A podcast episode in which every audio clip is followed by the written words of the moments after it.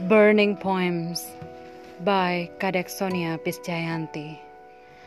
It comes to me one by one, words by words, lines by lines, verse by verse, rhyme by rhyme, rhythm by rhythm, fire by fire.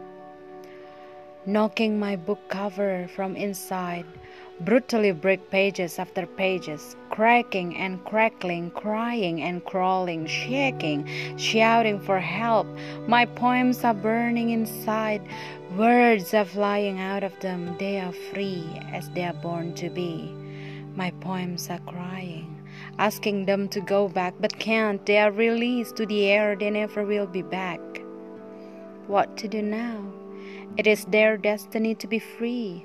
I set them inside my poem, unfree. They beg me for once in a lifetime freedom. They come to my dreams, set us free, set us free.